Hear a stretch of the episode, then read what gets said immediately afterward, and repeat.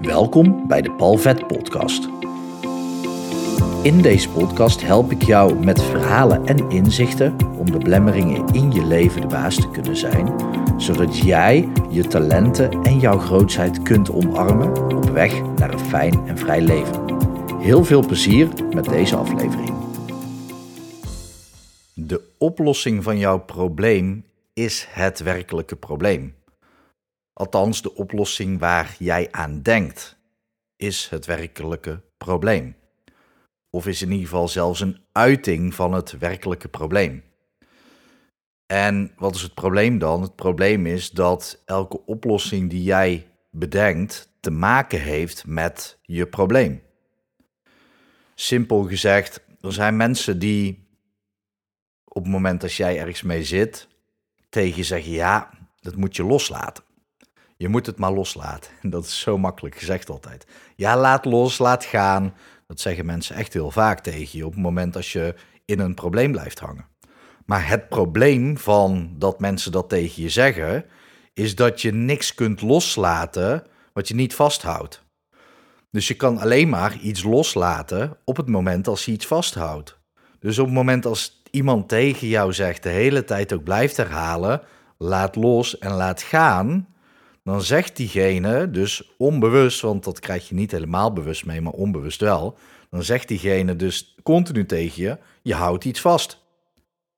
Dat is wat het betekent. Als iemand de hele tijd tegen je zegt, laat los, laat gaan, dan zegt diegene de hele tijd, je houdt iets vast, je houdt iets vast, je houdt iets vast. Nou, op het moment als iemand dat dus zegt tegen je, blijf je het steeds meer vasthouden. En dat is ook wat mensen denken, dat jouw probleem is, dat je het vasthoudt. Want daarom zeggen ze laat los. Maar het tegenovergestelde van het probleem is nog exact hetzelfde als het probleem, alleen een spiegelbeeld. Net zoals de camera die mij nu opneemt, dit is mijn rechterhand, maar ik zie het links van mij. Jij snapt dat het mijn rechterhand is, omdat jij snapt hoe spiegelbeeld werkt. Maar ik steek mijn rechterhand omhoog en voor mijn gevoel steek ik nu mijn linkerhand omhoog. En dat is precies het probleem. Ik steek een hand omhoog en of dat ik het nou links of rechts zie, of dat ik nou zeg vasthouden of loslaten, het is beide hetzelfde probleem. Het is alleen de andere kant van de medaille, maar het blijft wel dezelfde medaille. Zo ook is het tegenovergestelde van onrust is niet rust. Want als je gaat focussen op rust, betekent dat dat er onrust aanwezig is. Anders zou je niet hoeven te focussen op rust. Want je wil je juist focussen op rust omdat er onrust is. Dus als je je focust op rust, zeg je jezelf, tegen jezelf: er is onrust. Super onhandig. Mensen zeggen ook wel eens: ja, het tegenovergestelde van haat is liefde. Echter is de liefde die ontstaat vanuit haat eigenlijk ook haat. Omdat die connectie daar zit, want dan ben je aan het lief, liefde doen, liefhebben zou je kunnen zeggen. Ik hou niet van het woord hebben, ik hou meer van het woord doen natuurlijk. Dat weet je als je me langer volgt. Maar op het moment dat jij gaat liefhebben omdat je tegen haat bent, dan ben je dus nog steeds tegen iets. En dan zit je ook weer in de reflectie van de haat. En als je het dus zo bekijkt, dan is elk probleem wat jij ervaart, op het moment dat jij op zoek gaat naar een oplossing van dat probleem, dan ben je eigenlijk op hetzelfde niveau aan het zoeken als jouw probleem, alleen aan de andere kant van de spiegel. Maar de reflectie, het reflecteert hetzelfde, namelijk jouw probleem. Dus op het moment als jij echt een oplossing voor je probleem wilt, ik heb dit al eerder ook uitgelegd in een video, maar dan op een andere manier. Je zou het kunnen vergelijken met out of the box denken.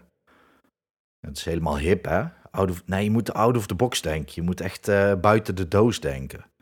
Maar ook op het moment als je out of the box denkt, dan is er nog steeds een box. Dus dan hou je de box in stand. Want je kan alleen maar out of the box denken als er een box is. Dus ik zeg altijd: het nieuwe out of the box denken is de box wegdenken.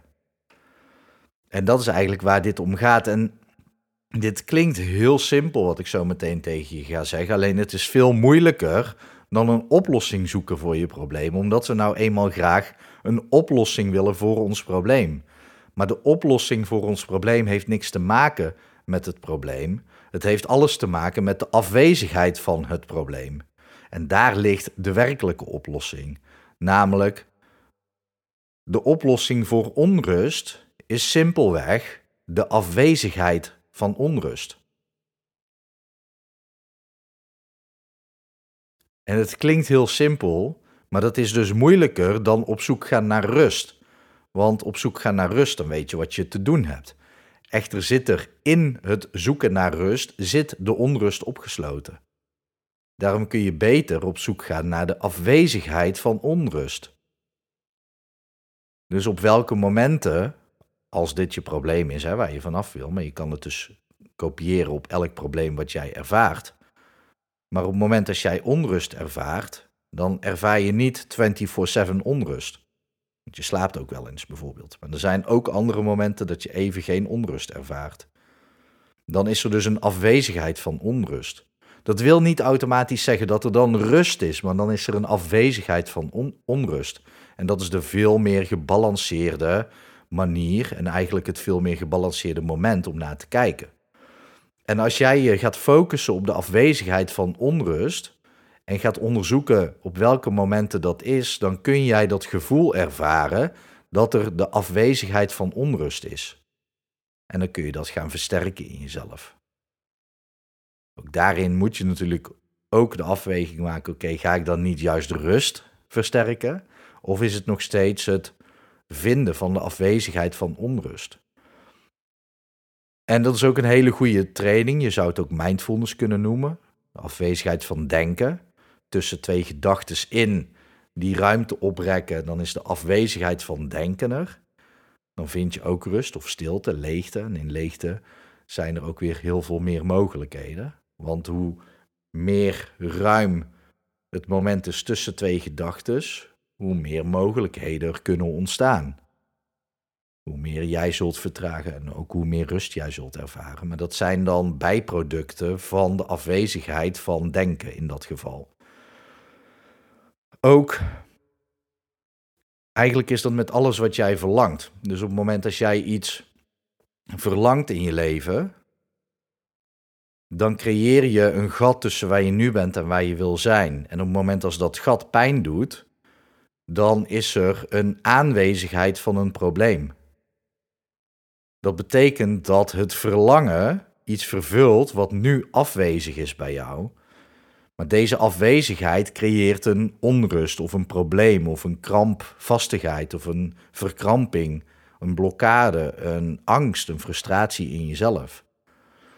En op het moment dat je dan op zoek gaat naar de afwezigheid van die boosheid, een afwezigheid van die frustratie, een afwezigheid vanuit, van de angst, dan zal je ook merken dat op het moment dat je dat activeert in jezelf, dat het verlangen ook veel zachter zal worden.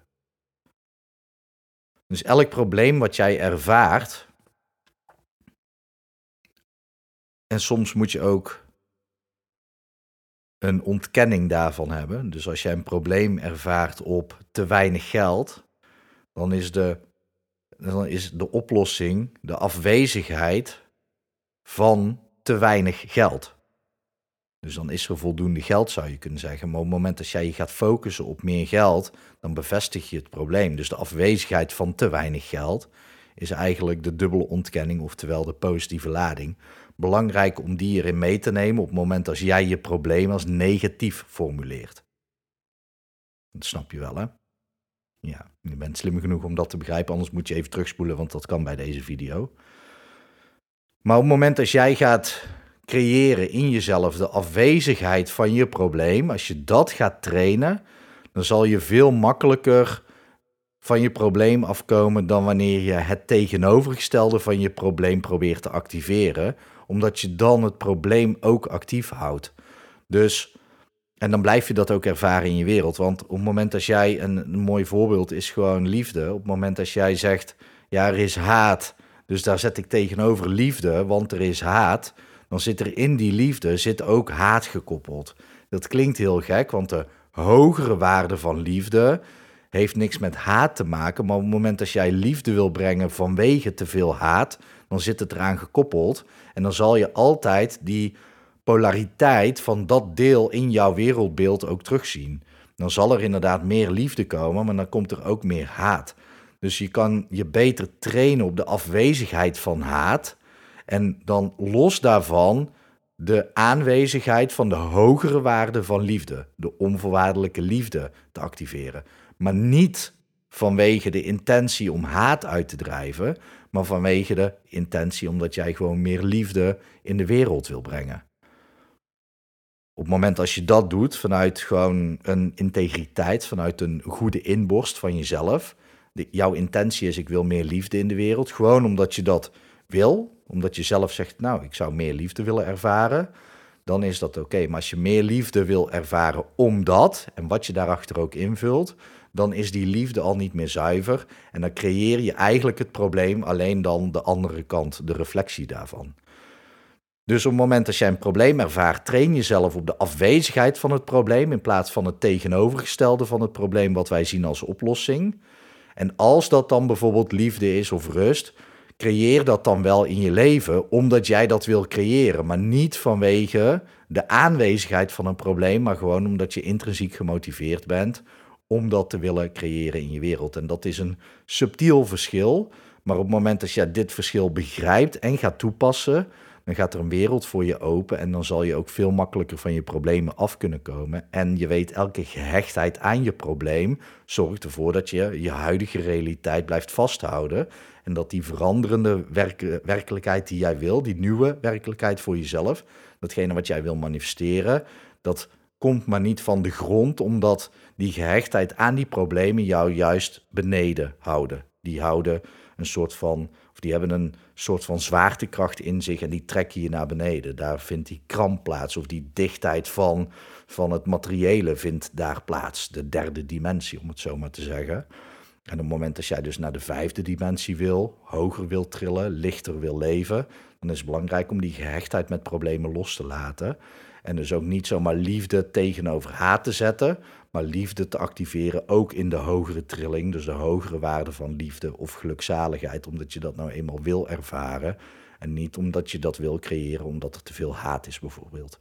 Hetzelfde geldt voor rust of zekerheid of vertrouwen of wat dankbaarheid, wat jij dan ook wil, voor, vanuit jezelf. 100% vanuit jezelf, dan is het goed.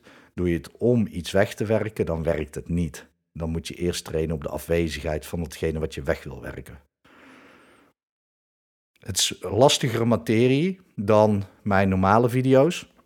En dit is wel waar ik ook veel meer mee bezig ben om mensen toch echt een stap hoger te brengen en veel lichter te maken en een lichter leven te activeren, zodat je ook veel makkelijker kunt manifesteren en de werkelijkheid kunt creëren die jij wil creëren voor jezelf en voor je dierbaren natuurlijk. Ik hoop dat het goed met je gaat. Ik hoop dat het goed gaat met dierbaren van je. En ik wens je nog een mooie dag toe.